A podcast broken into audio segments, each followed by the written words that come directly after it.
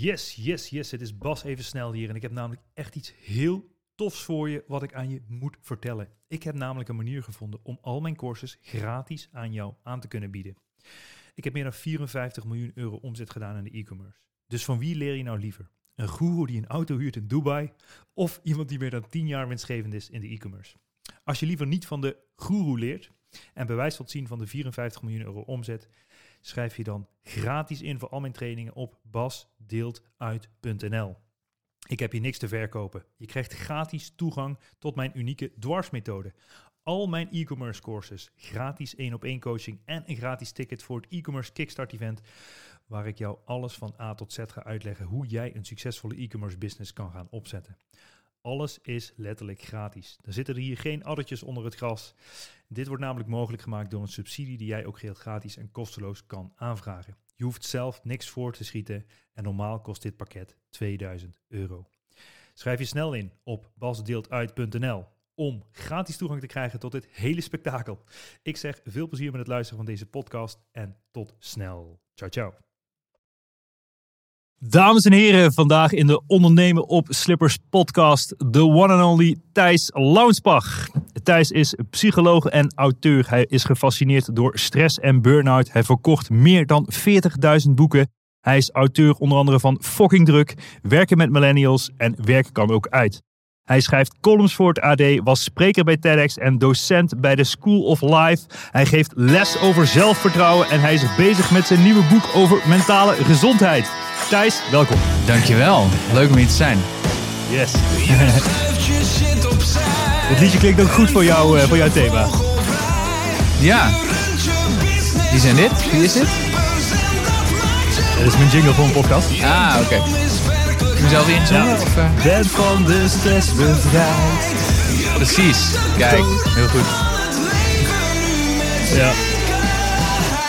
Ja, mooi. Mooi. Ja, we gaan ook leven met zekerheid of le leven zonder zekerheid? We kraken de code met, met het, van het leven nu met zekerheid. Ah, oké. dus wij gaan hier de code van het leven kraken, Thijs. Nou, no pressure dan. hey, uh, de meeste podcasts hebben altijd zo'n hele irritante eerste vraag. Ja. Daar komt hij. Wat zou je doen als je nog drie maanden te leven hebt? Oeh. oh, dat is een hele interessante vraag. Wat zou ik doen? Uh, ik denk dat ik um, alle, uh, alle coronamaatregelen ten spijt. We nemen dit op in, midden in de coronatijd, zeg maar. Laten we het hopen dat mensen het luisteren als de coronacrisis weer is afgelopen. Maar tegenwoordig hebben we heel erg te maken met de coronamaatregelen. Maar al die coronamaatregelen ten spijt zou ik die tijd zoveel mogelijk eh, doorbrengen met de mensen die mij uh, lief zijn. En ik heb ook wel eens gehoord, dat is, nou, dat is misschien een ander verhaal, maar Aldous Huxley, de, de schrijver en de, de, psycho, de beroemde psychonaut, die schijnt um, uh, op zijn moment van sterven, of net voordat hij stierf, uh, LSD te hebben genomen. Vond ik ook wel een interessante, uh, een, een, interessante optie. Als het dus dan die, het laatste uurtje is, dan wil ja, je dat het ook. het laatste uurtje. Heeft dus in, in een trip is hij het leven uitgegleden. Dat vond ik ook wel, vind ik wel een fascinerend verhaal. Ik weet niet of ik het zou durven, maar, maar goed, ja, wat heb je te verliezen? Ja, maar met name dus tijd doorbrengen met mensen uh, waar je omgeeft. Dat, dat is eigenlijk uh, de message, toch? Zeker. En ik denk dat we dat. Uh, nou, dat is misschien ook wel een beetje een, een, een linkje naar waar ik nu over bezig ben, mijn nieuwe boek. Ik denk dat we dat nog wel eens in onze hele individualistische wereld nog wel eens onderschatten. Hè? Het belang van andere mensen voor ons geluk in het leven. Um, en dat is toch wel waar een heel groot deel van, van je levensgeluk vandaan komt. En je betekenis aan je leven ook. Hè? Dat er komt door de mensen die om je heen zijn. Met wie je een tribe vormt. Je familie, je goede vrienden. Uh, de mensen met wie je samenwerkt. Die vergeten we nog wel eens in onze drive om individueel succes te behalen.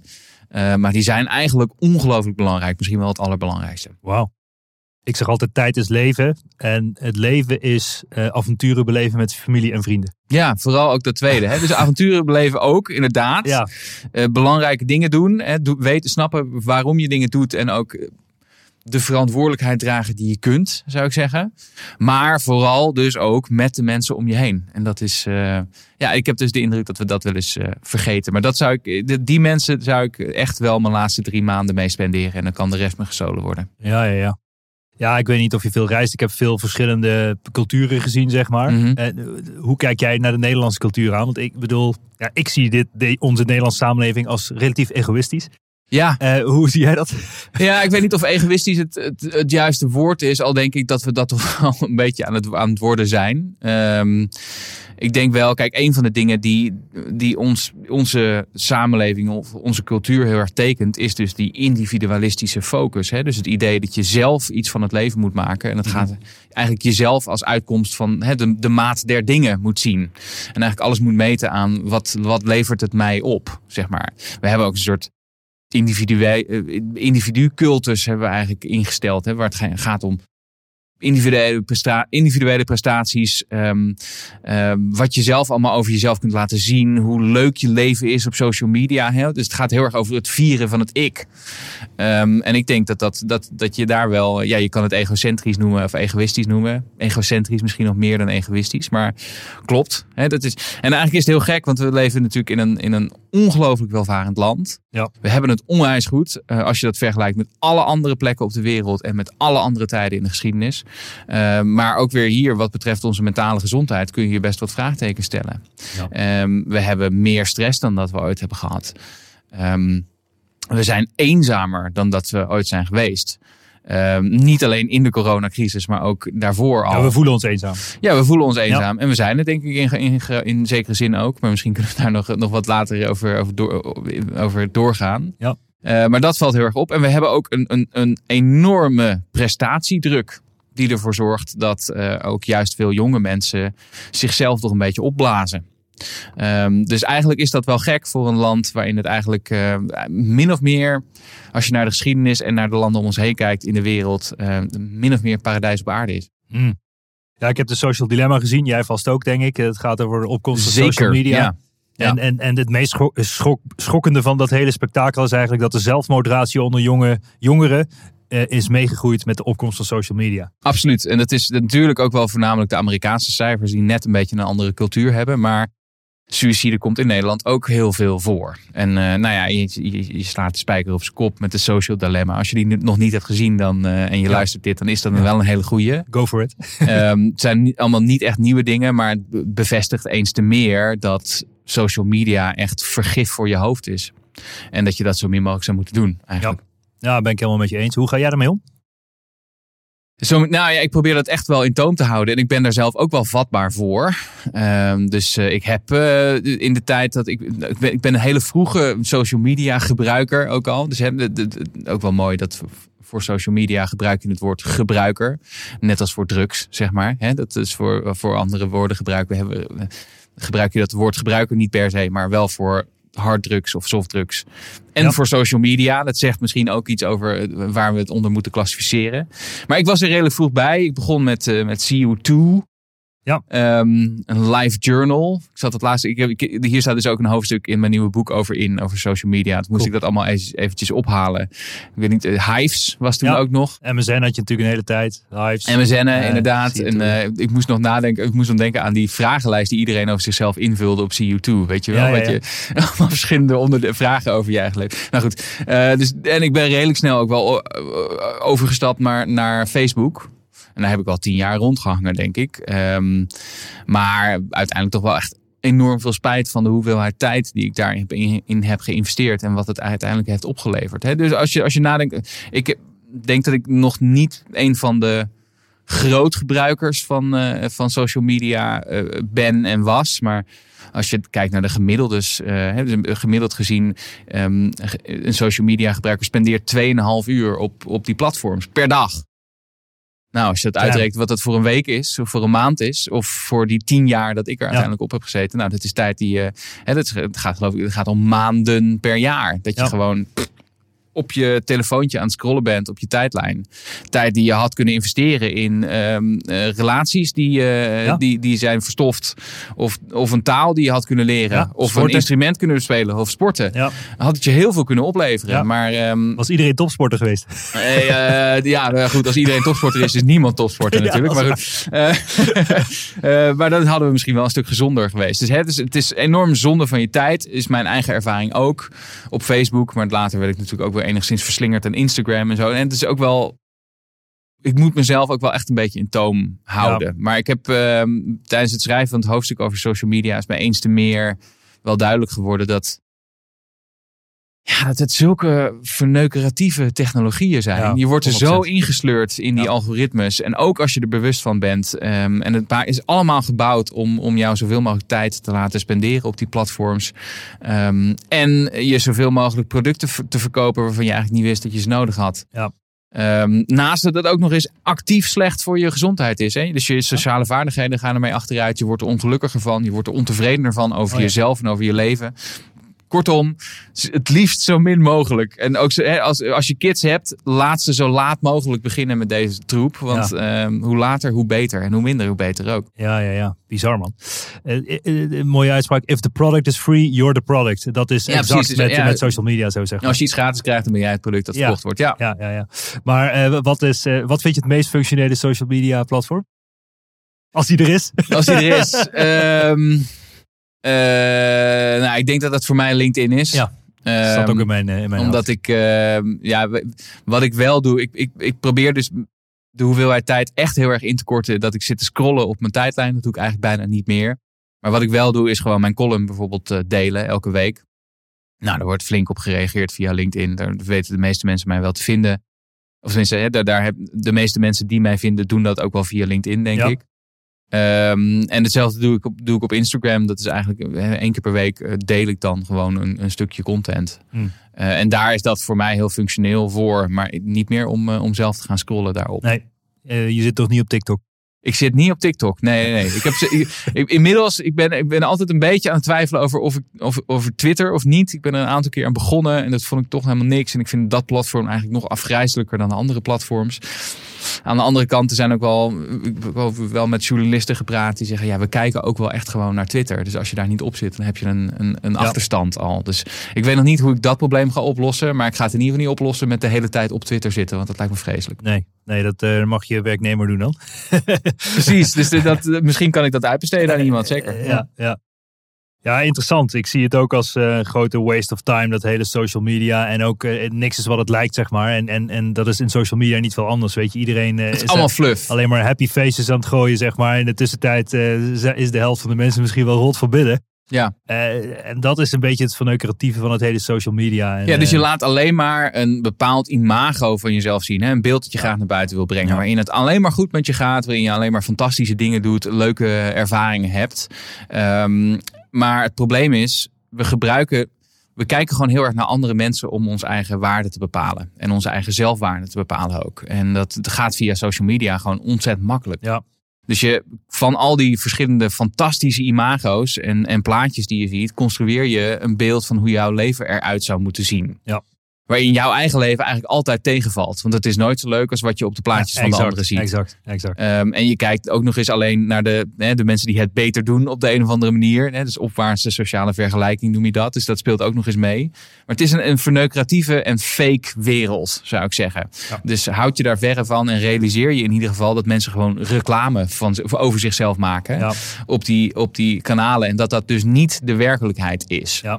Ehm, en dat je een veel beter beeld krijgt van hoe, hoe een leven eruit ziet op het moment dat je gewoon een Ja. gesprek voert met iemand, zeg maar. Ja, ja het, meest, het meest verneukeratief is volgens mij het vergelijkingsspelletje wat iedereen speelt. Precies wat je net zei Ja. ook. Van oké, het leven van iemand anders is altijd mooier, beter. Ja. Hetzelfde met, met als je rijk wil worden, whatever de definitie van rijk is. Ja, Eh, je komt er altijd bedrogen uit, want er is altijd iemand met meer. En, hetzelfde is met een auto of een huis. Het maakt niet uit hoe groot of hoe duur je auto is. Er is altijd eentje wat groter of dat- Dus het, het, zolang je het vergelijkingsspelletje speelt, blijf je onrustig. Dat is meer wat ik wil zeggen. absoluut. En Zo. dat is, dat, ja, weet je, een van mijn favorieten, een van mijn. ehm idolen is een groot woord, maar een van mijn favoriete andere denkers, eh, de, de, de psycholoog Jordan Peterson, zegt daar heel duidelijk over. Je moet jezelf niet vergelijken met wie andere mensen vandaag zijn. Je moet jezelf vergelijken met wie jij gisteren was. Zeg maar, hè? Eh, maar dat klopt, eh, onwillekeurig vergelijken we elkaar dus, eh, onszelf dus de hele tijd met anderen en wat de norm zou zijn. Maar die norm is gewoon twisted. Die is gewoon echt heel raar. Hmm. Ehm, en onhaalbaar. Dus ah, ja. En ook dat is wel weer ehm, ten voordele van, van deze mega bedrijven uit Silicon Valley, zeg maar. Hè? Ja. Dus elke keer dat jij je slecht over jezelf voelt en dan nog iets langer blijft hangen op zo'n tijdlijn ehm, en aan het, aan het fantaseren bent over hoe je leven eruit zou moeten zien, is allemaal kassa voor deze bedrijven. Ja.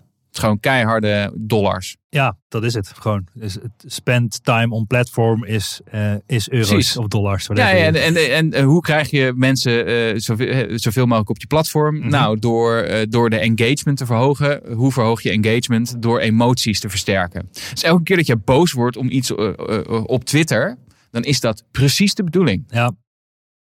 Ja, Ja, ik, ik, moet, ik, ik, ik herken het in, in honderdduizenden. Op een gegeven moment was ik tot het idee gekomen om geen nieuws meer te luisteren. Geen Ja. nieuws meer te kijken. Ja. Geen nieuws meer te lezen.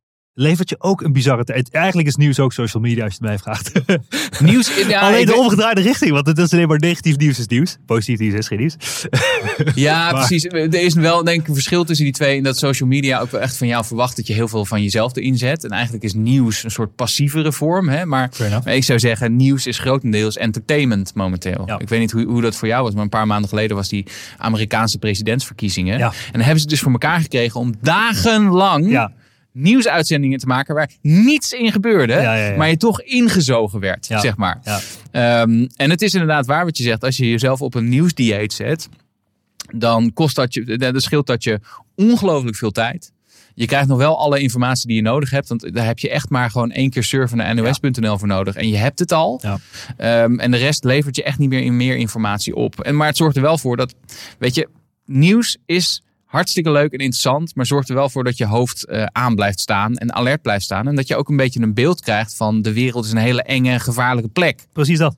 Ehm, dus, eh, dus het is aan de ene kant heel erg entertaining. Aan de andere kant zorgt het er ook voor dat je in de alarmstand blijft staan. Ja. Ehm, dus doe dat in ieder geval. eh, Zeker in een tijd zoals nu, waarin er heel veel gaande is en heel veel buiten onze macht gebeurt. En we eigenlijk maar ons te voegen hebben naar beslissingen die iemand anders neemt, zeg maar.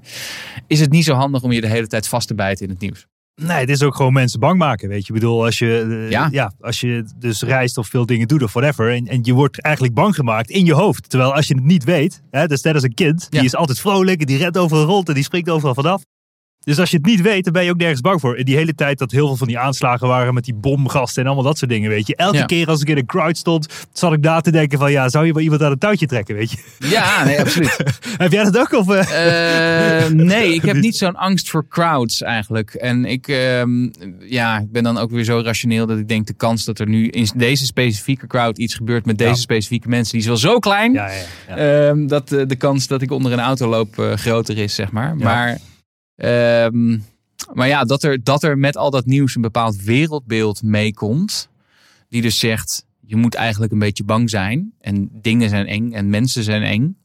Ja. En mensen zijn onbetrouwbaar en je, eh, je kunt mensen niet vertrouwen. Ja. Ehm, dat, dat zit natuurlijk wel heel erg in, dat, ehm, eh, in wat we allemaal te zien krijgen op het nieuws. Ja, Ja. zeker. En we hadden het net over dat vergelijkingsspelletje. Ik ben wel benieuwd Ja. hoe, je dat, hoe je daar zelf mee omgaat. Hè? Ik bedoel, jij bent ook eh, nou ja, psycholoog, auteur. Mhm. Ja. eh, je brengt boeken uit. Je Ja. bent ook spreker. Eh, ja, dus, eh, je gaat automatisch mee het vergelijkingsspel. Want eh, die ene spreker heeft weer net iets meer eh, publiek. En eh, het gaat toch uiteindelijk om groter. Tuurlijk, en het is, als, ik, als. Mark Tichelaar hoor zeggen dat hij 50.000 boeken heeft verkocht, dan word ik natuurlijk ook een beetje jaloers en zo. Ja. Dus nee, dat, Ja. is, dat, is, dat is absoluut waar. En ehm, het is, weet je, je ontkomt er nooit helemaal aan, denk ik. Mhm. Maar het is wel heel goed om het voor jezelf te blijven relativeren. Ehm, en natuurlijk vergelijk je je door naar anderen te kijken. En zeker in een vak zoals ik dat bedrijf heb. dus Ik doe veel lezingen geven en, en boeken schrijven. Daar zijn niet echt hele duidelijke eh, stappenplannen voor. Dus dat moet je een beetje zelf uitzoeken. En inderdaad, dat doe je ook voor een deel door te kijken naar wat anderen doen. Maar nog veel belangrijker zou ik zeggen, is dat je zelf weet waarom je het doet. En dat je zelf de betekenis van je werk ziet. En snapt wat zeg maar, deze stap die je nu aan het zetten eh, bent, inhoudt voor het grotere geheel. Hè? Dus, dus veel meer, ik zou zeggen, eh, dat is wel. Natuurlijk gebruik je die anderen als een soort vergelijkingsmateriaal om een soort referentiekader te, te, eh, te maken voor jezelf. Maar het staat en valt bij of je zelf snapt wat de betekenis van je werk is. En Mhm. wat je aan het doen bent. Dat is eigenlijk waar, waar de daadwerkelijke drive vandaan komt. Zeg maar. Mhm. hè. En de rest is allemaal FOMO. Is allemaal, oh ja, maar die, die anderen doen al de, die staan op een mooi festival ergens in Ja. Amerika. En dat wil ik eigenlijk ook. Ja. Want nu voel ik me slecht over mezelf dat ik dat niet haal. En zo. Ja. Dus je, je moet het misschien enigszins wel gebruiken als een soort van vorm om dat referentiekader te maken. Maar je moet het niet alleen maar gebruiken, want dan word je helemaal gek. Ja, ja, ja, precies. Ja, de FOMO-factor is bij heel veel dingen heel groot als je het mij vraagt. Ja, absoluut. En het is meestal niet de beste raadgever. Hè? Angst dat je niet op die andere plek komt van die ander is niet de beste raadgever. Nee, nee, nee. Maar dat is ook, ik weet niet of je zelf in crypto zit, maar dat is natuurlijk een hele grote FOMO-factor. Want iedereen kent wel iemand van, ja, Pietje heeft zoveel bitcoins. En, uh, en dan ik, ik heb op een heel on, inopportun moment eventjes in crypto's gezeten op een gegeven moment. Maar daar, dat... Um... Was, het, was een korte en de slechte ride? nee, het was in eerste instantie, het was zo rond 2017 was dat. Dus toen heb ik er volgens mij 2000 euro, heb ik er 1000 euro ingezet, geloof ik. En dat werd op een gegeven moment 2000 waard. En toen zat ik de hele tijd te kijken. Oh, wat doet de koers vandaag? En daarna zakte die helemaal in. en toen heb ik ze verkocht met wat verlies. En toen dacht ik, nou, dit is niet de manier waarop ik wil beleggen. ja, mooi. Ja, over FOMO gesproken. Ja, maar ook daar, daar helemaal. Je kan jezelf helemaal gek maken door wat andere mensen doen. En zeker wat, wat betreft, uh, ja, ja, Weet je, je moet daar ook, daarin ook uh, meewegen hoeveel rust het je geeft. En of hoe onrustig het je maakt. En als je dat meeweegt, dan, dan, was het voor mij niet helemaal de moeite waard. Nee, nee, nee. Nee, dat is ook een learning curve. Ja, absoluut. ja, dus nu heb ik andere beleggingen. Ja, ja, ja. ik wil nog even terug naar wat je eerder zei. Je had het over eenzaamheid. Dat wij eenzamer zijn dan ooit. Ik vind het een heel interessant topic, zeg maar. En veel mensen die dit luisteren denken ook van... ja, misschien voel ik me stiekem ook wel eenzaam. Als ik heel eerlijk ben, ben ik ook uh, als ondernemer ben je ook heel vaak eenzaam. Ja. Um, uh, tuurlijk, ik heb uh, een vrouw en drie kinderen mm. en, en, en er komt zelfs een hond aan. maar goed, burgerlijke wordt het niet. maar ehm, hoe, hoe, hoe kijk jij naar het eenzaamheid? Wat zijn jouw ervaringen in het ja. eenzaamheid? Heb je jezelf vaak echt eenzaam gevoeld en, en hoe ben je daar uitgekomen? Ja, um wel handig om even te benoemen dat er natuurlijk er is een verschil tussen alleen zijn en eenzaam zijn. Alleen zijn gaat over hoeveel mensen je letterlijk om je heen hebt. Hè? Um, uh, en eenzaam zijn gaat over hoeveel sociaal contact je eigenlijk zou willen. Mm -hmm. En er zit een verschil in die dingen. Je kunt, je kunt alleen zijn. Hè? Ik, heb, ik heb laatst afgelopen zomer ook weer een week, anderhalve week in mijn eentje ergens op het platteland in Frankrijk gezeten. Uh, om even gewoon bezig te zijn met mijn boek. Ja. In mijn eentje. Nou, toen was ik alleen, maar niet eenzaam, mm-hmm. zeg maar. Dus dat is wel een goede distinctie. Uh, dus je kunt um, uh, alleen zijn zonder eenzaam te zijn. Je kunt ook in een relatie of in een familie of midden in je leven je toch eenzaam voelen. Dus die twee staan enigszins los van elkaar. Meer het mentale en het fysieke. Ja, ja, ja precies. En ja. er zijn er ook nog eens verschillende vormen van eenzaamheid. Hè. Dus je hebt uh, sociale eenzaamheid. Dat is uh, het, het, gevoel, hè, het is gewoon letterlijk te weinig mensen om je heen hebben. Uh, minder dan vijf contactmomenten in de week hebben. Dan spreek je over sociale eenzaamheid. En je hebt dan ook nog eens emotionele eenzaamheid. En dat is het gevoel dat je de belangrijke dingen waar je over nadenkt niet met anderen kunt delen. En je hebt ook nog eens een soort existentiële eenzaamheid. Hè? Dus het idee van je wordt alleen geboren en je gaat ook alleen weer dood. Um, en daartussen probeer je wel met anderen te verbinden, maar het lukt niet altijd. Je kunt mhm. nooit je hele zijn bij iemand anders kwijt. En dat is ook, voelt ook wel eens eenzaam. Um, en ik kan me voorstellen dat dat misschien ook de, de ondernemers ook wel vaak spelen. Want ben, dan ben je vaak, sta je los van anderen. En moet je echt nog meer misschien dan als je werknemer zou zijn, je eigen pad kiezen. Mm -hmm. Um, dus ik kan me voorstellen dat dat, dat, dat wel meespeelt. Het was in ieder geval als ondernemer, hè, dus voor mezelf is dat ook wel. Weet je, ik moet daar veel meer moeite voor doen uh, dan toen ik nog op de universiteit werkte als docent. Um, om, om genoeg mensen om me heen te hebben en om die conversaties te, gaande te houden. En ik moet daar veel meer organisatie in stoppen. Veel meer initiatief in tonen om dat genoeg te krijgen voor mezelf. Mm -hmm. uh, maar er zijn ook wel momenten in mijn leven geweest. Ook weer, ook weer hier, eenzaamheid is ook weer een onderdeel van het boek dat ik nu aan het schrijven ben. Dus ik ben daar net mee flink uh, heb ik daar ingedoken. Uh, er zijn ook wel momenten geweest uh, in mijn leven dat ik behoorlijk eenzaam was. Ja, dus wat was voor jou het meest mentaal gezien het meest eenzame moment, als je, als je er één mag noemen? Nou, toen ik, toen ik net ging studeren. -hmm. um, toen uh, ging ik, uh, ik woonde in Haarlem, ben opgegroeid in Haarlem. Daar had ik ook mijn vrienden. Um, uh, ik was aangesloten bij een politieke organisatie destijds. Um, en ik was net van de middelbare school af. En toen ging ik studeren in Amsterdam. En ging ik daar ook gelijk wonen, want dat vond ik belangrijk. En woonde ik ergens helemaal aan de rand van de stad, ergens min of meer, nou ja, min of meer buiten de stad eigenlijk. waar ik een klein uh, appartementje had, een soort anti-kraakwoningje.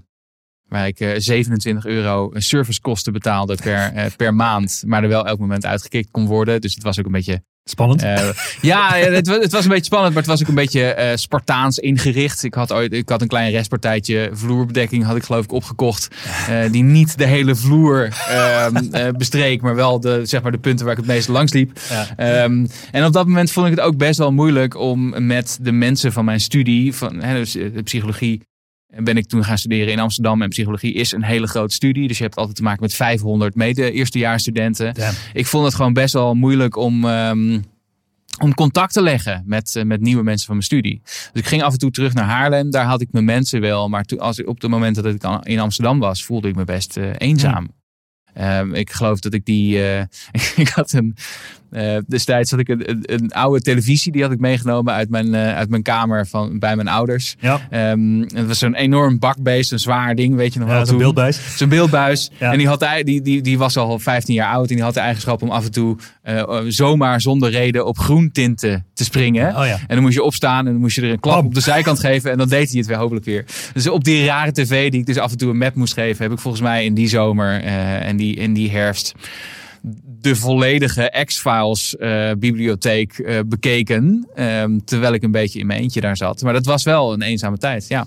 Oh wauw, maar je bedoel echt, dus, dus, dus echt, dit is veel mentale eenzaamheid. Want je zegt, zat op een studie, 500 man, die zit ja. bij een college, zit vol met mensen. Maar jij bent daar de individu die zit tussen de oortjes. Zit ja. je een beetje uh, toch jezelf eenzaam te voelen. Absoluut. En dat is ook, denk ik, um, weet je, dat hoort heel erg bij die levensfase. Dat hoort sowieso bij bijvoorbeeld verhuizen naar een nieuwe plek. Ja. Of een, hè, mensen hebben dat vaak ook op het moment dat er een relatie uitgaat. Of wanneer ze te maken krijgen met een scheiding of ergens anders heen gaan hoort er ook wel een beetje bij. Maar ik had, ik weet nog wel dat ik ook heel erg voelde van, nou ja, volgens mij uh, al mijn klasgenoten, die, uh, die doen het volgens mij nu hartstikke goed. Ja. En die lukt het allemaal wel. En die ja. zul je zien, die hebben nu ook al wel eh, vrienden voor het leven gemaakt. Waarom ja. lukt het mij dan niet, zeg maar. Dus dat, um, ik kan me dat gevoel ook nog wel heel erg herinneren. Dat ik dus ook... Uh, nou ja, dat ik, dat ik onderdeed misschien voor, voor, mijn, uh, voor mijn peers. Hmm. Dat die dat allemaal beter deden. Ja, dus ja. heb je weer dat vergelijkingsmateriaal. Niks is wat het lijkt. Ja, nee, dat, dat is ook zo. Want je weet niet wat er allemaal achter speelt. Maar ik weet nog wel dat ik het gevoel had van er is echt iets mis met mij. En pas later ben ik ingezien van dat is eigenlijk iets heel normaals. Ja. En wat dat betreft vind ik het ook, heb ik heel veel medelijden met alle jongeren die momenteel uh, thuis zitten. Zeker. En niet, ik had dan het voordeel dat ik nog naar mijn college kon, zeg Ja. maar. Um, uh, dat ik het niet allemaal via een, een beeldscherm uh, moet doen. Bizar. Um, maar ja, wat we nu uh, jonge mensen in onze samenleving aandoen, is echt behoorlijk wat. Ja, ik snap wel dat, die, uh, ja, dat ook die burn-out ratio's en whatever it is, de stress bij de jongeren toeneemt. Maar zie je Absoluut, ook die, die, ja. die, die, die eenzame periode misschien ook wel als een van de meest leerzame periodes van jezelf? Tu ja, tuurlijk. Achteraf ga je dat natuurlijk allemaal rationaliseren. Ja. En zeg je, het is allemaal erg goed geweest. En ja. Uh, al ben ik daar niet per se. Ik weet dat dat heel erg. Dat dat een beetje een ondernemersding is. Of een beetje een sprekersding. Dat je dan zegt, nou, ik heb het heel zwaar gehad. Maar ik heb er wel heel veel van geleerd. En het is de belangrijkste ervaring geweest van mijn leven. En dan sterker uitgekomen. Ik ben sterker uitgekomen. Ja, ik zou ook zeggen, weet je, het leven is af en toe gewoon kut. Um, Ja. Ook als, ik weet niet of ik mag schelden op je podcast. Maar Tuurlijk, goed, dan doe ik dan alles. Het leven is gewoon ook af en toe kut. Ook als dat geen betekenis heeft. Um, en ook als dat niet betekent dat je dat omzet in een positieve leerervaring of zo. Um, maar ook dat, weet je, die, die wetenschap die verliezen we nog wel eens. Hè? Dat het gewoon ook af en toe even kloten is. En Ja. dat het er ook bij hoort. Ja, maar at the end of the day is de mentale eenzaamheid overwinnen dus eh, eh, de, gaat je de grootste winst opleveren. Want, want bedoel, je zegt ook fysiek, we kunnen overal naartoe lopen en dan ben je met mensen of whatever. Je kan ook alleen zijn in een crowd. Ja, maar ja, als jij tevreden Ja. of oké bent met alleen zijn en jij kan eh, zes maanden lang eh, alleen in een, in een berghut eh, zitten of wat dan ook, maar je voelt je niet eenzaam, mentaal Nee. gezien, da- daarmee win je dan de race, denk ik. Of hoe zie jij het? Ja, nee, dat, dat, dat absoluut. En ik denk dat het ook gezond is om je af en toe dus af te zonderen van de kudde, zeg maar, hè, van de andere mensen, om even alleen te zijn met je eigen gedachten. Maar dat kun je alleen doen als je sterk in je schoenen staat, zou Ja. ik zeggen. Ehm, ja, mentale. Ik, ik weet niet of het. Ik weet niet of ik het helemaal eens ben met het idee mentale eenzaamheid overwinnen. Ik ben er wel steeds meer de waarde van in gaan zien dat het gewoon echt wel heel erg nodig is voor alles. En vooral ook voor je eh, mentale gezondheid en voor je geluk in je leven. Om Ja. de juiste mensen om je heen te zoeken. Ja. En je hebt mensen om je heen die, waarmee je het gezellig en leuk kunt hebben. En met wie je kunt feesten. Maar je hebt ook mensen nodig die je een spiegel kunnen voorhouden. Je hebt eh, mensen nodig die staan te juichen om, jou, eh, om al je plannen en wat er allemaal goed gaat in je leven. Maar ook mensen nodig die, die zeggen, ja, voor, zou je dit nou wel doen? Want, uh, want dit en dit en dit. Hè? Die, die beren op de weg zien. Ja, ja. Je, hebt ment je hebt mentoren nodig die jou iets kunnen leren wat je nog niet weet. Je hebt peers nodig uh, die, uh, met wie je gewoon even kunt klagen of kunt mopperen en waar je aan kunt spiegelen. Mhm. Al die mensen moet je om je heen verzamelen. En misschien is dat voor ondernemers nog wel moeilijker dan voor mensen die automatisch in hun werk al een soort groepje hebben om hen heen. maar het is wel een van de allerbelangrijkste dingen, denk ik, in het leven in het algemeen, maar ook voor je mentale gezondheid. Ja. Ja, ja. mooi gezegd. Thanks.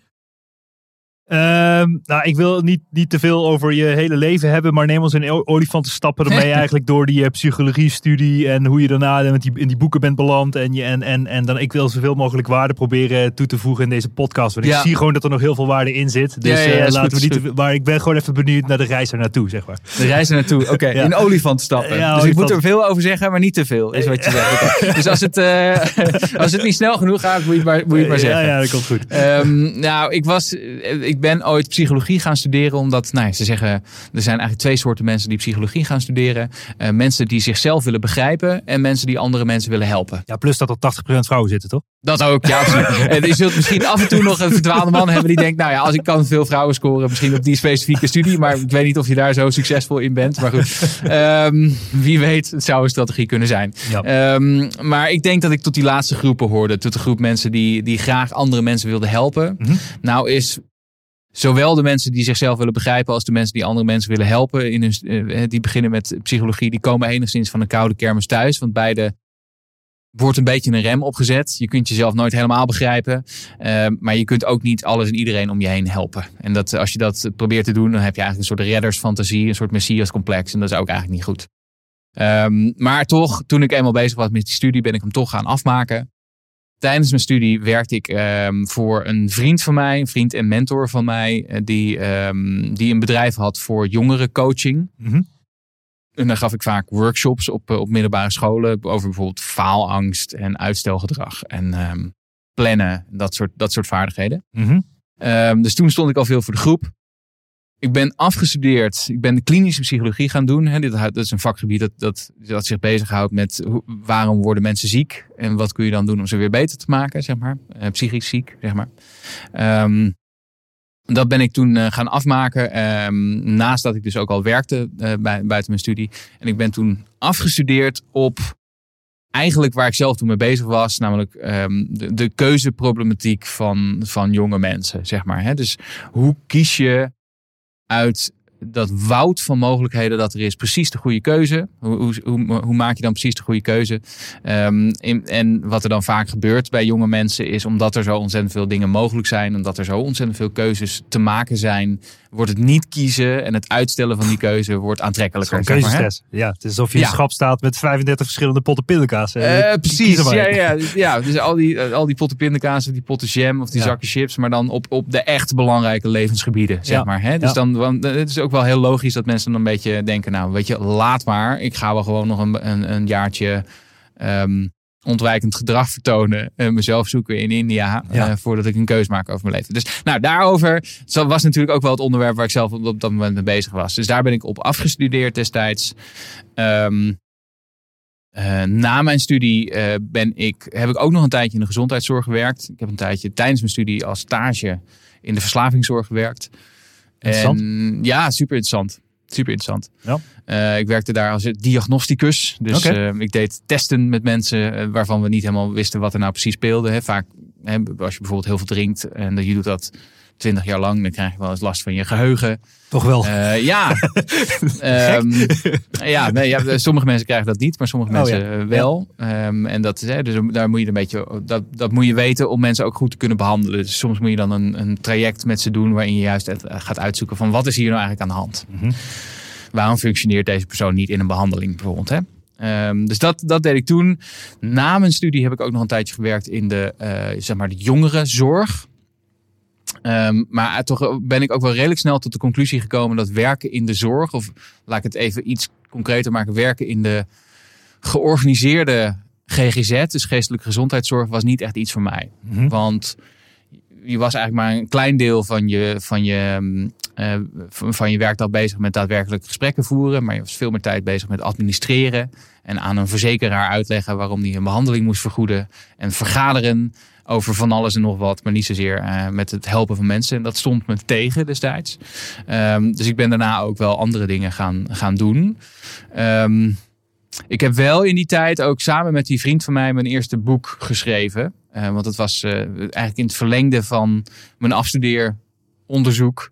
Uh, en het was ook een onderwerp waar ik met hem ook wel mee bezig was. Um, hè, dus die jonge volwassenen. Wat, is er, wat speelt er met die mensen nu? Uh, en daar ging. ik had mijn scriptie en toen heb ik dat gepitcht aan een uitgever. En die zei: Ja, is goed, doe maar. uh, dus dat was, dat was uh, in die tijd. En, was, was dat ook je, je einddoel, zeg maar, om dat boek uit te brengen? Want je zegt het wel tussen deze door van ja, hier een verhaaltje, het was niet ja, per, publiceren. het was niet per se mijn einddoel, maar het was wel, um, het was gewoon een hele spannende mogelijkheid om dat een keer te proberen. En we, destijds hadden we ook niet het idee dat dat heel snel ging gebeuren. Dus, dus we stonden helemaal verdwaasd een beetje. Oké, okay, blijkbaar hebben we nu een boekdeal, zeg maar. Oké, okay, nice. Um, dus dat gaf ook wel de mogelijkheid om wat, wat ideeën nog uit, uh, uit te werken en op te schrijven. En welke titel was je eerste dan? Dat was Quarter Life. Quarter Life? Quarter Life, ja. Oké. Okay. Uh, omdat in die tijd heette het nog geen millennials. Uh -huh. uh, toen, uh, dat was nog in de tijd voordat die naam echt in schwung raakte. Dus Quarter Life betekent rond de 25 dan? Ja, dus je had wel, zeg maar, dit Quarter Life Crisis was toen een term. Oh, ja.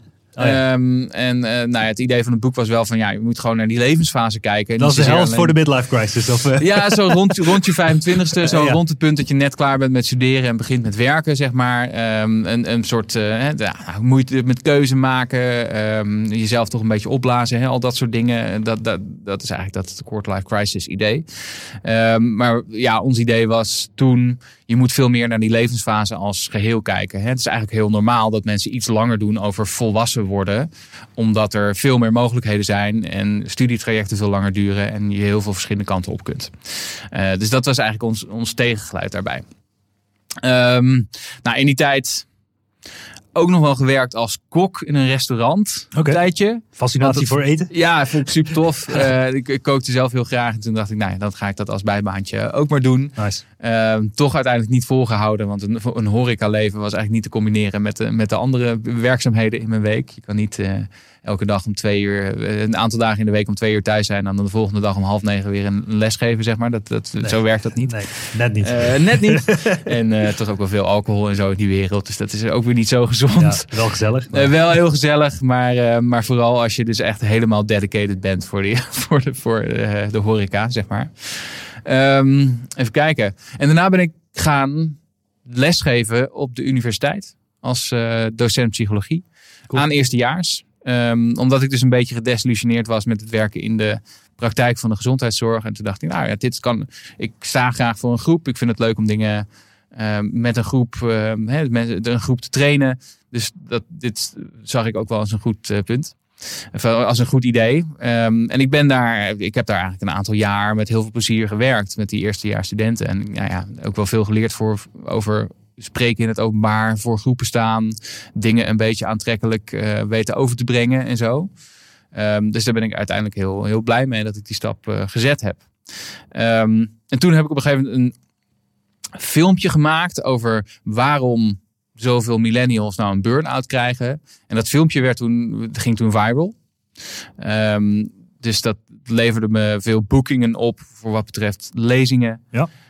Um, en ik werd wat meer gevraagd voor media en zo om dat, om dat uit te leggen. En toen kon ik ook met dat filmpje, was van de Universiteit van Nederland destijds. Um, met dat filmpje kon ik ook heel makkelijk weer naar een uitgever toe en zeggen: Nou, ik wil dit, hier wil ik een boek over schrijven. Dus dat is eigenlijk min of meer de, de, de, um, een soort stepping stone geweest voor, voor wat ik later ben gaan doen. Toen heb ik dat nog wel een tijdje gecombineerd met lesgeven op de universiteit. Uh, maar op een gegeven moment ben ik daarmee gestopt omdat het niet meer te combineren viel. Um, maar dat is eigenlijk de start geweest van mijn boek uh, Fucking Druk. Ja. Ja. Daar was je fucking druk mee. dat, dat heb ik wel redelijk snel geschreven, moet ik eerlijk zeggen. Ja, ja.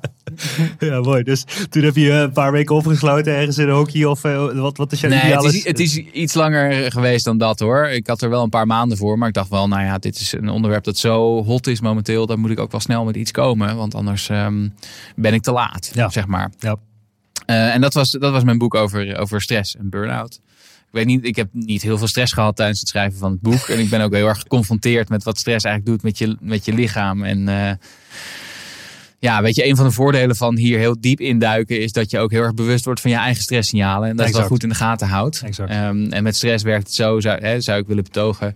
Het is niet de bedoeling dat je alle stress uit je leven bandt. Mhm. Maar wel dat je het verschil weet tussen gezonde en ongezonde stress. En dat je weet wat je kunt doen in het laatste geval. Ja. En als je, als je maar genoeg dat in de gaten houdt, dan ehm, kun je wel, dan kun je best wat aan ook. Mhm. En dan kun je jezelf af en toe ook flink het vuur aan de schenen leggen. Ja.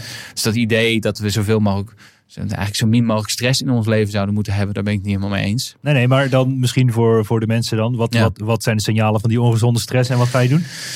Ja, oh, even, in een notendop. Doe Ja, even in een ja. notendop je, je boek. Ehm, nou ja, het lastige daaraan is dat stress gewoon met verschillende mensen verschillende dingen doet. Mhm. Eh, dus mijn stresssignalen zijn niet hetzelfde als jouw stresssignalen. Mhm. En die zullen ook weer verschillen voor degene die het nu luistert.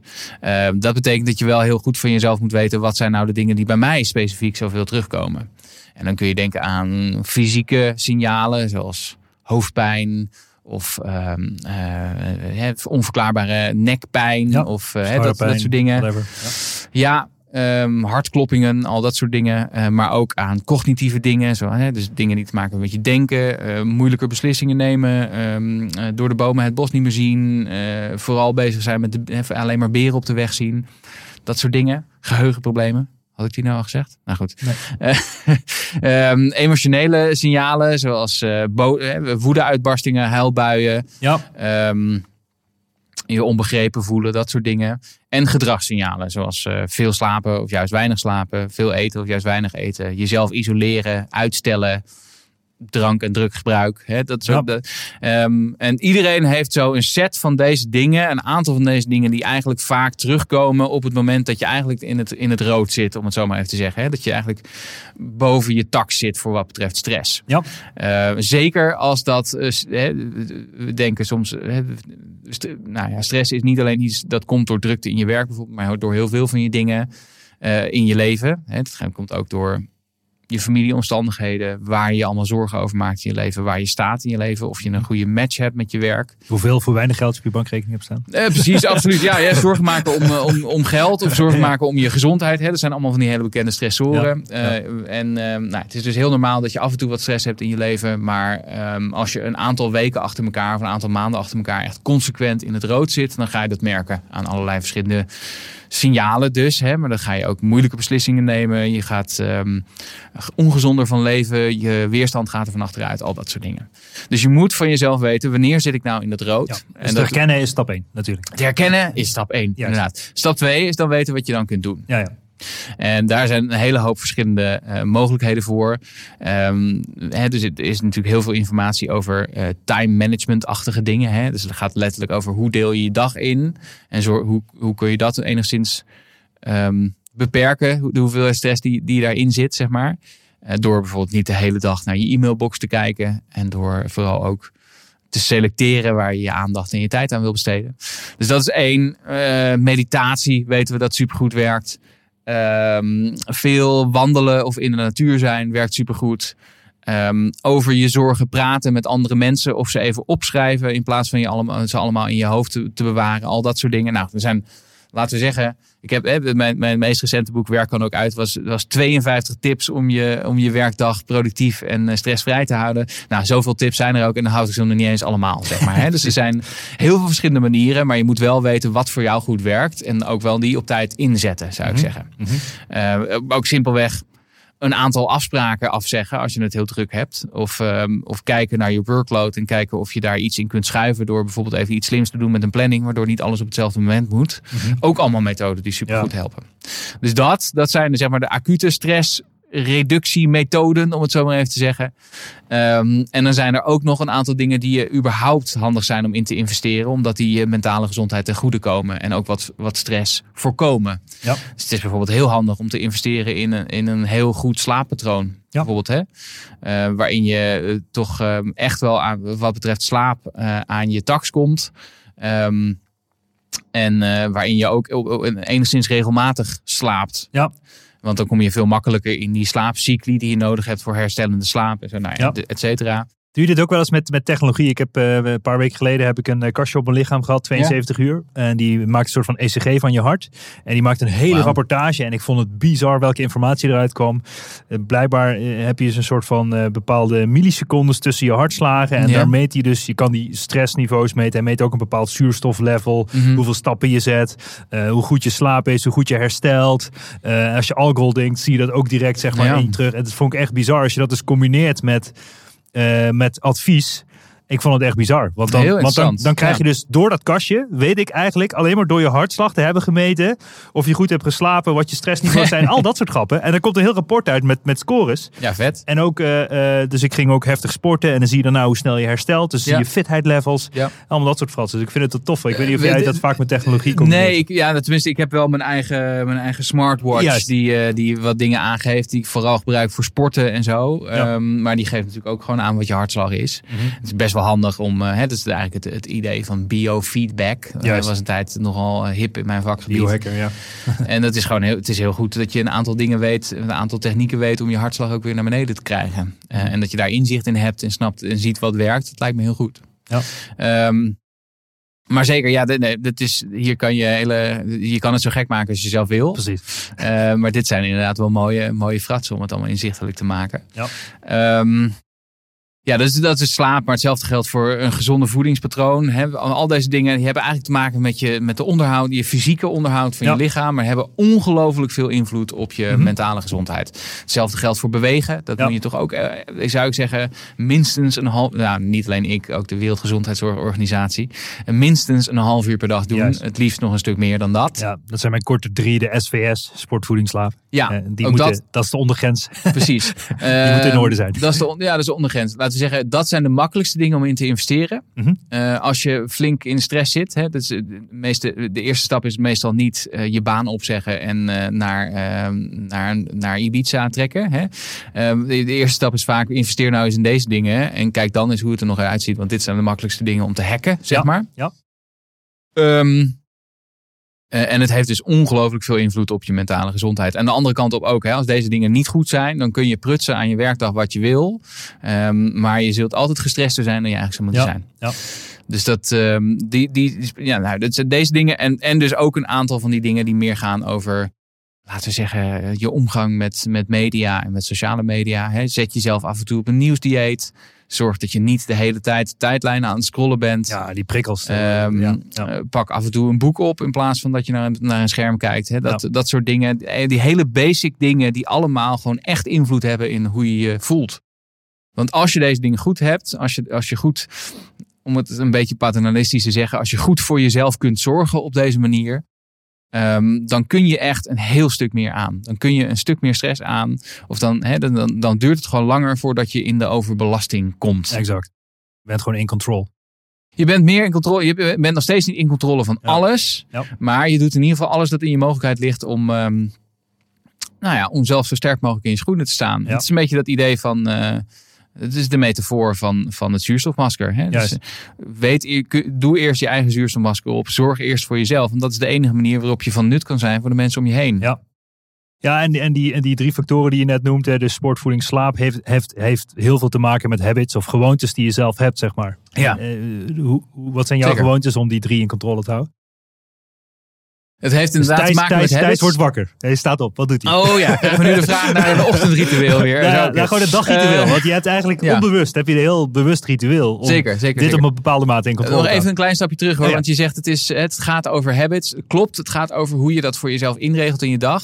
Maar het gaat allereerst in de waarde hiervan inzien. En jezelf serieus genoeg nemen om dit voor jezelf goed te regelen. En Je moet geen tijd- stress krijgen om de habits te doen. Nee, en je moet ook jezelf de moeite waard genoeg vinden om ook in jezelf te investeren. Ehm, en je moet ook inzien dat, dat je alleen van waarde kunt zijn voor andere mensen op het moment dat je dit goed geregeld hebt. Ja. Ehm, en eh, ja, hè, dus dat, dat, dat, dat druist in tegen mensen. Je hebt gewoon heel veel mensen die, die echt eerst naar de mensen om hen heen kijken. Van wat kan ik doen voor anderen voordat ze aan zichzelf kunnen denken. Maar dat zijn vaak de mensen die ook uitvallen hè, met, eh, met stressklachten.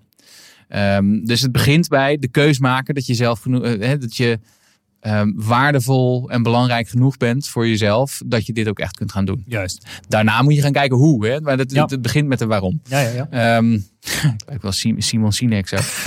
Start with the why. Yes. Ehm, eh, eh, eh, je vraagt, hoe regel ik dit in voor mezelf? Nee, gewoon wat, ja, ik ben benieuwd naar jouw habits voor, voor een, een gebalanceerd stressniveau, laat ik het zo zeggen. Ja, ik, ik, ik schipper daar nog wel eens mee. Ik heb niet eh, een mooie verhaal, mooi, mooi antwoord op de vraag. Wat, eh, ik, zou, ik zou heel graag een antwoord hebben op de, op de vraag hè, van wat is je ochtendritueel met, oh dan ga ik eerst ehm, eh, een kwartier mediteren en dan Ja. doe ik mijn gratitude journal en dan ga ik koud douchen. en dan miracle ga ik, morning. precies, ja. Nee, dat doe ik allemaal Nee, niet. Ik, nee. ik word na de derde of de vierde keer snoezen wakker. Precies. Ehm, ik drink twee koffie. If you dan- snooze, you lose, hè Thijs? ja, I know, I know, I know. Ik heb ook he- hele boeken gelezen waarom het goed zou zijn dat je om vijf uur opstaat. Het lukt me gewoon niet, zeg maar. Ehm, dus, dus nee, eh, ik drink heel veel koffie en ik douche veel te warm en veel te lang. Dat is eigenlijk min of meer wat ik doe. Maar ik zorg altijd wel dat ik, ik, ik moet echt voor mezelf. Ik ben ook best wel wat afgevallen in de afgelopen tijd. Eh, was ook wel echt nodig, eh, zeg maar. En daar heb ik wel nu een methode voor gevonden die voor mij ook werkt. Ik, ik moet echt wel een, een, minstens een uur per dag sporten. Ja. Eh, ik doe meestal dan? hardlopen. Ja, ja, hardlopen. Ehm, dat kan ik gewoon buiten doen. En dan, eh ik vind het ook moeilijk om eh, tijd daarvoor vrij te maken die ik niet. Dus de, de, de- een van de dingen die ik doe, is ik maak het nuttige tijd voor mezelf. Doordat ik bijvoorbeeld een luisterboek aan het luisteren ben. Ja. Dan wordt het namelijk een uur en hardlopen en leestijd. ja, of een podcastje. Of een podcastje, inderdaad. Dan, kan, dan, dan doe je nog wat nuttigs met je tijd Ja, ook, ja. voor mijn. Calvinistische hoofd. Ja. Ehm, ja, precies. Ehm, dus dat, ik moet in ieder geval een uur per dag eh, moet ik sporten. Ehm, en ik zorg dat ik mijn eten ook wel echt onder controle eh, heb. Ik, wat ik ook tegenwoordig doe, is twee dagen per week vasten. Eh, dus ik doe de intermittent fasting eh 5-2 methode. Ja. Die werkt voor mij heel goed momenteel. Ehm, dus dat. En de 5-2 methode, leg die even uit voor de mensen die niet weten. Ja, je hebt, 5-2 ook- ja, dit is. Oh, ik dacht, jullie, jouw, eh, jouw eh, Ja, luister, wie 5-2, zal dit toch eh, wel hallo, weten? ik zo af- 5-2, je snapt het ja, snapt het wel. Start with high. Ja, Ehm, eh, ja, intermittent fasting is dus het, het idee dat je jezelf af en toe van wat eten moet. eh, dat je niet de hele dag door moet eten. Dat het eigenlijk niet zo goed is, omdat Ja. het, we voorheen. Ehm, ook momenten hadden dat er veel eten voorhanden was, eh, maar ook momenten dat er even geen eh, eten voorhanden was. En dat moet je ook kunnen handelen. Ehm, en dat kun je op verschillende manieren doen. De meest bekende methoden zijn geloof ik de 16-8 methode.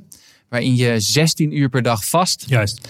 Acht- eh, acht en uur 8 uur per dag eet. Ja. Mhm. Dan heb je een window van 8 uur per dag. Bijvoorbeeld tussen 12 en 8 dat Exact. je wel eet. Ja. Maar eh, Die voor, die- voor dat doe 12 uur 's ochtends en na 8 uur 's avonds Ja. eet je niet. Die doe ik. Ik doe de 16. Dat doe jij? Ja, je doet ja, 16 ja.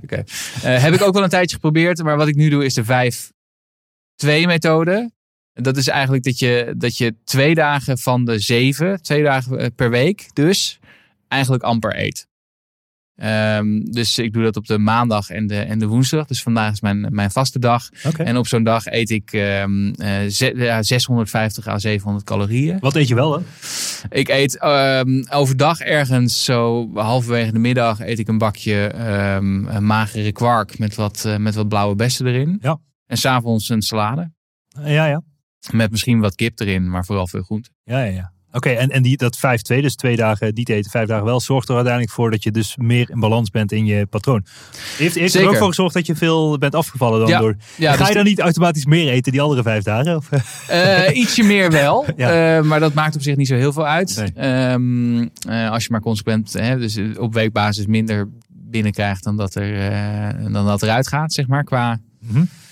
qua calorieën. Ehm, maar inderdaad, dat, dat klopt. Maar het gaat dus ook, het gaat dus ook om, om het jezelf even wat af en toe wat, wat moeilijk maken voor wat betreft eh calorieën. Mijn buik begint nu echt te knorren, maar we hebben het daarover. Hier heb je wat Ehm, doodjes. Ja, nee, dankjewel. Ik zit, het zijn heel verleidelijk, maar nee, ik sla, ik sla me af. Ik doe zo een kop koffie weer, denk ik. Ehm, nee, maar dat klopt. Maar goed, je, je, je, je mm, hebt nog steeds wel een reductie in calorieën op het moment dat je dat twee dagen per week doet. Eh, en in combinatie met, met toch flink sporten eh, werkt dat nu voor mij heel goed. Ja. En, en wat voor jou het beste timeframe om te sporten? Doe je dat ochtends, 's avonds, middags? Maakt niet uit. Maakt eigenlijk niet zo heel veel uit. Ik, weet je, ik heb ehm, niet alleen geen ochtendritme, ik heb überhaupt eigenlijk een weinig ritme in mijn leven. Gewoon een ik- freestyler. Ik ben freestyler en ik heb geen vaste afspraken bijvoorbeeld, of amper vaste afspraken. En eh, ik, weet je, ik heb veel te maken met opdrachtgevers die dan ofwel hè, op een willekeurig moment op de dag of de avond willen ze me hebben voor een webinar bijvoorbeeld. Ja. En dat is allemaal prima, maar dat betekent dat ik gewoon de rest daaromheen moet plannen. Dus eh, meestal eh, doe ik zo einde van de middag even een, rond, een rondje hardlopen. Ehm, maar eh, zoals eh, vandaag, van- vanmiddag heb ik bijvoorbeeld, eh, of eind van de middag ga ik een les geven voor de School of Life, waar ik pas vanavond terug ben. Dus ik heb vanochtend juist eh, gesport in plaats van dat ik dat ergens middags doe. Ja, ja. Ik doe het ook wel eens een keer als ik een schrijfdag heb van de hele dag. Doe ik dat gewoon halverwege de dag, zo net voor de lunch, om even de dag te breken. Ja. Ja, nice, nice. Ja, nou nu je toch over die School of Life begint, vertel Mhm. eens even wat dat precies inhoudt. Want daar was je ook best wel enthousiast over. Ja, ik. ik ben hartstikke Maar je enthousiast. geeft les in zelfvertrouwen. Wie, wie, wie heeft er meer zelfvertrouwen nodig, is dat de vraag. Dat dan- Nou, i- iedereen kan, bijna iedereen kan wel wat meer zelfvertrouwen gebruiken. Ja. Eh, maar de School of Life is een organisatie in Amsterdam. Die ooit is begonnen in Londen. Eh, en Amsterdam was de eerste die volgde. Ehm, een organisatie die, die zich tot doel stelt om filosofie te gebruiken voor, ehm, hè, voor, voor levensvragen. Om het zo maar te zeggen. En je kan daar terecht voor workshops. Ehm, bijvoorbeeld mijn workshop over zelfvertrouwen. Ehm, maar het workshops meer voor particulieren, zeg maar. Maar je hebt ook workshops die zijn meer voor business gericht. Hè? Dus die gaan over purpose of over creativiteit. Of ik geef zelf een les over effectiviteit, zeg maar. Mhm. Eh, en daar kun, je, daar kun je terecht om die workshops eh, te, te volgen. Ehm, en ehm, nou, ik geef daar dus een les over zelfvertrouwen en eentje over, over effectiviteit. Het is vaak een beetje op levensbeschouwelijke eh, invalshoek. Dus we gebruiken ook wel filosofie ehm, hè, en, en kunst eh, om, om met deze thema's bezig te zijn. Dus het is een, eh, een stapje verder. Een slag verder. Een slapje. Eh, hoe je mij hoort. Ik denk dat inmiddels begin ik een beetje daas te worden van de trek. Maar misschien dat moet je me maar vergeven. Eh, het is dat vaste. En het gesprek daarover. Ehm, het, is dus, het gaat een slagje dieper dan, dan je, misschien je standaard ehm zelfhulp eh, workshop. Mhm. Eh, we gebruiken dus ook wel, wel inzichten uit de filosofie en ook wel uit kunst om, om daarmee bezig te zijn met zo'n onderwerp. Ehm, en dat is super tof. En we doen, eh, we doen dus dit soort workshops, maar we doen ook events. Ja. Ehm, dus we, zijn, we doen één keer per jaar een festival. We staan wel eens op Lowlands. Cool. Ehm, eh, er komen regelmatig grote internationale sprekers ook, eh, eh, ook spreken. Nu is dat allemaal digitaal, maar dat doen, doen we ook wel eens eh, live, Mhm, zeg maar. mhm. Eh, als dat weer kan binnenkort. Eh, dus dat is, eh, dat, is, dat is wat we doen. Ja, en wie, wie heeft er meer zelfvertrouwen nodig? Ja, heel veel mensen kunnen wat meer zelfvertrouwen gebruiken. Ja. Ehm, het, ja, het, is, het trekt een, een, een breed publiek van studenten tot aan mensen juist aan het einde van hun werkende leven die nog iets anders willen. Hm. eh, tot aan mensen die, ja, nou ja, ehm, professionals die dat voor extra erbij, ehm, zo'n zo'n opleiding doen. Ja. Wisselt, wisselt heel erg. En dan hebben we het over dingen als het imposter syndroom. Ja. Ehm, of ehm, een beetje in het reinen komen met je inner idiot bijvoorbeeld. hè. Ja, ja, Dus dat soort, dat soort thema's. Het heeft veel te maken met zelfbeeld, denk ik. Het heeft ook wat te maken met zelfbeeld, maar het heeft ook vaak te maken met accepteren wie je zelf bent. En ook inzien dat, eh, ook weer hier, met dat, we hebben het net over vergelijken gehad helemaal aan het begin van het gesprek. Ja, ja, ja. Ook weer hier dat mensen toch over het algemeen gekker zijn dan ze zelf eh, willen toegeven. En dat dat er ook heel erg bij hoort. Ja. Ja. Ja, jeetje. Want wat, wat is nou de nummer één, eh, als je er één mag noemen, van wa- waar de meeste mensen, eh, waar je de grootste winst mee haalt bij de meeste mensen? Is, dat is dat dan, eh, dat is waarschijnlijk één van die twee, zelfbeeld of, of welke noem jij als de tweede? Ik had het over het im- imposter syndroom, Ja. hè? dus het oplichtersyndroom. Ja, waar halen we het meeste? Hmm. Vind ik een moeilijke vraag, omdat het natuurlijk moeilijk in, eh, in, in, in KPI's of ROI's te te, generaliseren is. is. Hè? Dus dat, eh, het, gaat over, het gaat verdorie over sociaal-emotionele vaardigheden. Het is Ja. moeilijk om, eh, Ja, ja, ja. om, een, om, een, om een winstcijfer aan te plakken. Ja. Ehm, maar wat het meest werkzaam is aan deze workshops of aan deze classes die we geven, is denk ik gewoon het feit dat je met zo'n onderwerp bezig bent met mensen die je nog niet kent. Mhm. En dat je daar mm, door de vragen die ik stel of de, de, de gedachten die ik meegeef, gewoon een zinnig gesprek met elkaar over hebt. Met Ja. mensen die je nog niet kent, waarbij je inzichten over jezelf opdoet. Dat is eigenlijk het belangrijkste Exact. bestanddeel. Ja. Ja. En ze lopen allemaal borstkloppend en chakka roepend die zaal uit? eh? Nee, nee, nee, dat, dat, dat niet. Ik moet, ook, ik moet ook altijd een beetje een disclaimer geven aan het begin van de les. Van het is niet zo dat je, dat, je het, dat, je als je hier de les uit eh, loopt, eh, nooit meer last Ja. hebt van te weinig zelfvertrouwen. Of dat je alleen maar in de rest van je leven superveel zelfvertrouwen hebt. Maar het helpt wel. Ja, ja. ja. Ja, cool. ja. Cool man. En je schrijft ook columns voor het AD. Wat, wat, wat, lezen, we- wat lezen we daarin? Eh, ik schrijf op de pagina over werk. Mhm. Dus meestal heeft het te maken met werk. En dan heeft het ook wel, eh, het is vaak ook wel een link met gezond werken of met vitaliteit of met, eh, met stressreductie. Ja. Ehm, ik moet wel zeggen, in de, in de coronatijd heb ik, me dezelf, eh, heb, ik, heb ik de vrijheid gevraagd om ook af en toe gewoon wat überhaupt over mentale gezondheid te schrijven. Want dat is een belangrijk thema Ja. momenteel. Eh, dus je kunt daar columns vinden over waarom ik niet koud douche, bijvoorbeeld. Oh ja. Nice. Of over ehm, eh, de antitrend. de antitrend. Ehm, ja, niks ten nadele van mensen die wel, wel koud douchen hoor. En ik, ik kijk er ook altijd met heel veel bewondering naar. Maar dan het liefst van achter glas met een kop thee. Ik heb een ijsbad in mijn tuin staan thuis, dus die wacht zo Ja, nee, nee ik, ik, ik, ik, ik, eh, ik, ik sta je, ik sta aan de zijkant je, je aan te moedigen. Zeker, absoluut. Ehm, eh, dus daar, eh, daar schrijf ik dan een column over. Of een column over hoe je het nou een beetje leuk houdt in coronatijd. Of hoe je zorgt dat je met je partner elkaar niet de tent uitvecht nu je allemaal thuis moet werken. Of... ehm, ja, noem nog eens wat. Eh, waarom het, eh, de laatste column die ik schreef was waarom het belangrijk is om nieuwe dingen te blijven doen. Ja. Omdat je dat heel goed is voor je hersenverbindingen en je nieuwe Ja. hersenverbindingen aangaat. En Ja, dat dat in coronatijd best wel lastig is, omdat je niet zomaar naar jazzballet kunt of naar wandklimmen. Ehm, maar dat je dan een beetje creatief moet zijn met, de- met de opties die er wel voorhanden zijn. Cool. Dus eh, nou ja, allerhande dingen die te maken hebben met ofwel stress, ofwel werken, ofwel mentaal gezond zijn, ofwel productief zijn. Ja. Ja, want dat wordt het topic van je nieuwe boek ook, die mentale gezondheid. Mentaal gezondheid. Hoe Ja. ver ben je? Pagina 60. Niet ver genoeg. Niet ver Oh, genoeg. Eh, ik denk dat ik ongeveer 20.000 woorden nu heb gedaan van de 60.000 woorden die, uiteindelijk, die het uiteindelijk moet worden. Maar mm, ik kan ook niet zeggen dat al deze woorden die ik nu heb opgeschreven ook blijven staan. Maar het is een geleidelijk proces. En het is, eh, het is, het is ik, hou, ik hou, hou er nooit van als mensen iets een proces noemen. Maar in dit geval is dat wel echt waar. Ja, maar jij hebt al, Ehm, hoeveel boeken heb je geschreven al? Eh, dit, is- dit, zou mijn zesde, dit wordt mijn zesde boek. Ja, dus het is Ja. meer een ABC'tje voor jou geworden om een boek te schrijven. Nou, nee, want ik, ik, ik heb wel. Ik, ik voelde wel erg de behoefte om ook een beetje uit dat. Zel, een beetje uit het zelfhulpding te stappen. Omdat ik het vaak. hmm, ik word heel vaak, vaak gevraagd om tipjes. Doe even een paar tips Ja, tegen. Punt, ja. punt, punt. Ja. En dat vind ik een beetje te kortzichtig. Het is ook. gewoon afgezaagd. Ehm, en ik denk dat er heel veel nu aan de hand is. Hè, dus binnen de coronacrisis, buiten de coronacrisis, voor wat betreft onze mentale gezondheid. Nou, een aantal van die dingen hebben we het al over gehad. Hè. Hoe ga je om met social media in je leven? Ehm, hoe, wat kunnen we doen tegen de eenzaamheidscrisis? Ehm, wat kunnen we doen tegen de, de, de moordende prestatiedruk die er heerst? Ehm, en mijn antwoord zou zijn. ehm, dat zijn uitdagingen die je eigenlijk pas echt het hoofd kunt bieden op het moment dat je zelf zo sterk mogelijk in je schoenen staat. Ja.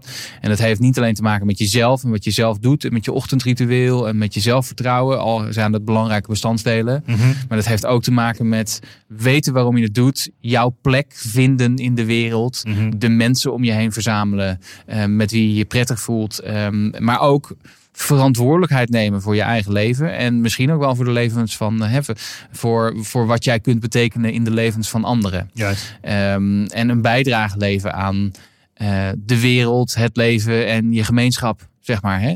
Eh, dus nou ja, goed. ehm, ehm, op het gevaar af dat dit een beetje een erg CDA-verhaal wordt. Maar ik denk dat dat wel heel belangrijk is. Ja, ja, ja. Verantwoordelijkheid nemen voor je leven, daar gaat het eigenlijk om. Ja. En er zijn dus al die andere dingen voor nodig. Er is voor nodig dat je weet wie je bent, dat je accepteert wie je bent, dat je voor jezelf kunt zorgen, dat je begrijpt waarom je het doet en dat je weet en inziet wat je taak is in het leven. Ja, ja, ja. ja. En dan misschien nog een beetje off-topic, maar je hebt best veel boeken uitgegeven. Ja. Ik, ik vroeg al van tevoren natuurlijk al van, hey eh, Thijs, hoeveel, hoeveel gegevens heb je nou van al die mensen die die Ik boeken heb het hebben helemaal verkeerd gedaan volgens Bas. Ja. Dat, is, eh, dat is wel duidelijk. Ja, je hebt al die boeken via de uitgever uitgegeven. Ja. Dus, eh, dus ik vroeg ook, zit er wat achter, zeg maar? Want eh, ik wil even dat, ik probeer daar altijd de vinger op te leggen van, er zijn sommige schrijvers die kunnen leven van het uitgeven van boeken. Ja. Maar eh, ik denk dat we dat nu gaan nuanceren. Dat jij kan bevestigen dat je, dat je niet rijk wordt van het, van het, van het verkopen van boeken. In ieder geval als in Nederland, doet. eh, in Nederland over het algemeen eh, niet. Ehm, er zijn mensen die dat wel kunnen, maar dat zijn er maar een handjevol. Eh, zeker binnen mijn vakgebied, binnen psychologie, maar ook eh, dingen die te maken hebben met, eh, met ondernemen en met eh, management. Hè. Dus gaat het Mhm. over het algemeen, verkoop je wel wat boeken, maar die boeken geven je vooral ook een ingang tot het geven van lezingen Exact. of workshops of trainingen. Ja, dat is voor jou ook. En dat is hetgene waar je inkomen vandaan komt. dan. Dus, dus Ja. eigenlijk is het meer autoriteit claimen. En als dan iemand ziet van, hey, Thijs... Niet alleen claimen, ook gewoon laten zien. Dit ik, nee, nee, maar ik bedoel, dus deze jongen heeft vijf, zes boeken geschreven. Ja, Ja. die moeten we hebben als we het over dit topic Ja, dat helpt toch wel. En Ja. dus, dus het werkt op heel veel verschillende manieren. Het werkt een soort uithangbord hè, van wat je kan. eh, en laten zien wat je, wat je ideeën zijn hierover. En dat je niet zomaar iets roept, maar dat je het wel degelijk kunt onderbouwen. Ja. Ehm, laten zien dat je dat op een beetje een slimme manier kunt doen. Maar ook, kijk, elke keer dat ik zo'n boek schrijf, en nu zeker met het nieuwe boek, want het wordt eigenlijk veel dieper doorvrochter boek, denk ik nog. Ehm, is het elke keer weer een mogelijkheid om in een nieuw topic te stappen. In een nieuw eh, onderwerp te stappen. Dus, hè, dus eh, ik heb het boek over, fok, over hè, de fucking druk over stress en burn-out. Gaf me echt de gelegenheid om daar heel diep in te gaan. Eh, het boek dat ik heb geschreven over managen van millennials in je organisatie gaf me de mogelijkheid om daar een keertje. Ik, ik ken Ja. die managementwereld ook weer niet zo goed, maar ik moest er wel iets van weten. Dus Ja. het geeft elke keer ook weer een mogelijkheid om nieuwe gedachten te krijgen, nieuwe gedachten te formuleren, nieuwe theorieën te formuleren. Ehm, en ook weer het onderzoek doen. eh, wat, ik, wat ik gewoon superleuk en interessant en tof vind om te doen. Ehm, dus, eh, dus het geeft niet alleen heel veel energie, het geeft ook weer nieuwe aanknopingspunten voor het werk dat je daarna gaat doen. Juist. Eh, dus dat is heel erg de waarde van die boeken, naast dat het een hele mooie uithangbord is. Cool. Cool. Leuk man. Hey, we zitten er alweer een dik uur in. Ja. Ehm, zijn er nog dingen die ik eh, niet gevraagd die ik had moeten vragen? Wil je nog iets eh, in de groep gooien, Thijs? Eh 30 seconden eh, commercial. nee, nee, nee. Zijn er nog topics die je wil aansnijden of, of whatever, iets wil delen? Aan, aan, er zijn altijd topics die ik nog zou willen aansnijden. Ja, maar denk volgens voor mij kunnen we urenlang misschien wel genoeg. Ja, Ja. Mochten mensen meer willen weten, dan eh, ondanks dat ik heel kritisch ben op social media, ben ik daar toch te vinden. Op mijn Instagram of mijn LinkedIn. Daar deel ik al die, die columns altijd. Dus Juist. als je dat leuk vindt, eh, blijf, check die. En natuurlijk is het ook leuk als je, als je denkt, nou ik wil wel meer weten. Dan eh, kun, je, kun je ook nog de boeken bestellen. Ja, Via de uitgever dus. mooi. Zonder dat ik daar je e-mailadres voor nodig Dus heb. bol, vooralsnog. bol eh, waar sta je? Mark? Nee, ja, Bol staat hij ook inderdaad. En, Of- en op al die dingen. Maar dan moet je altijd wel zeggen, zeker in deze tijden, ga gewoon naar je lokale boekhandel. en bestel daar het boek. Want dat, die hebben het moeilijk genoeg. En die kunnen wel wat support Oh, die zijn wel open. Ja, je kunt, ja, je kunt gewoon op afspraak kun je, kun je winkelen. Ja, En ja. je kunt ook vaak bij je lokale boekhandel gewoon een boek bestellen. En dan komt het net zo snel als bij Bol. Dus eh, doe Oh, ja. dat vooral. Want ehm, Bol redt het wel, maar je lokale boekhandel heeft het eh, moeilijker. Ja, ja, mooi. Mooi gezegd. Alright man, Ja, dankjewel voor je komst. Ik vond het een interessant gesprek. En eh, ja, wellicht tot snel. tot snel. Yes. Bedankt voor het luisteren naar de Ondernemen op Slippers podcast. Check voor meer informatie ondernemenopslippers.nl. Tot de volgende keer. Ja, super vet. Dat was Thijs Launchpark, psycholoog en auteur. Veel boeken geschreven, eh, gefascineerd over stress en burn-out. Ik, ik heb er veel uitgehaald, ik hoop jullie ook. En laten we allemaal zonder stress en burn-out naar lachend naar het leven kijken. Dan wordt het allemaal nog mooier. Eh, ik ben benieuwd naar zijn nieuwe boek over mentale gezondheid. En eh, check it out. Dankjewel voor het luisteren en tot de volgende keer. Dit was toch een onwijs gave episode. Laten we eerlijk zijn. Ik vind het onwijs tof. Mocht je nou waarde vinden in deze episodes, check dan ook eventjes mijn LinkedIn, Bas Eurlings. En geef mij gewoon even een persoonlijk berichtje wat je van deze podcast vindt. Nogmaals, ik kan alles gratis aan jou geven. Wil je leren in de e-commerce? Gratis in op één coaching. Gratis e-commerce kickstart event. Ga naar basdeeltuit.nl hoe jij subsidie kan aanvragen door om gratis toegang te krijgen tot alles wat ik gemaakt heb. Check it out en tot snel. Ciao, ciao.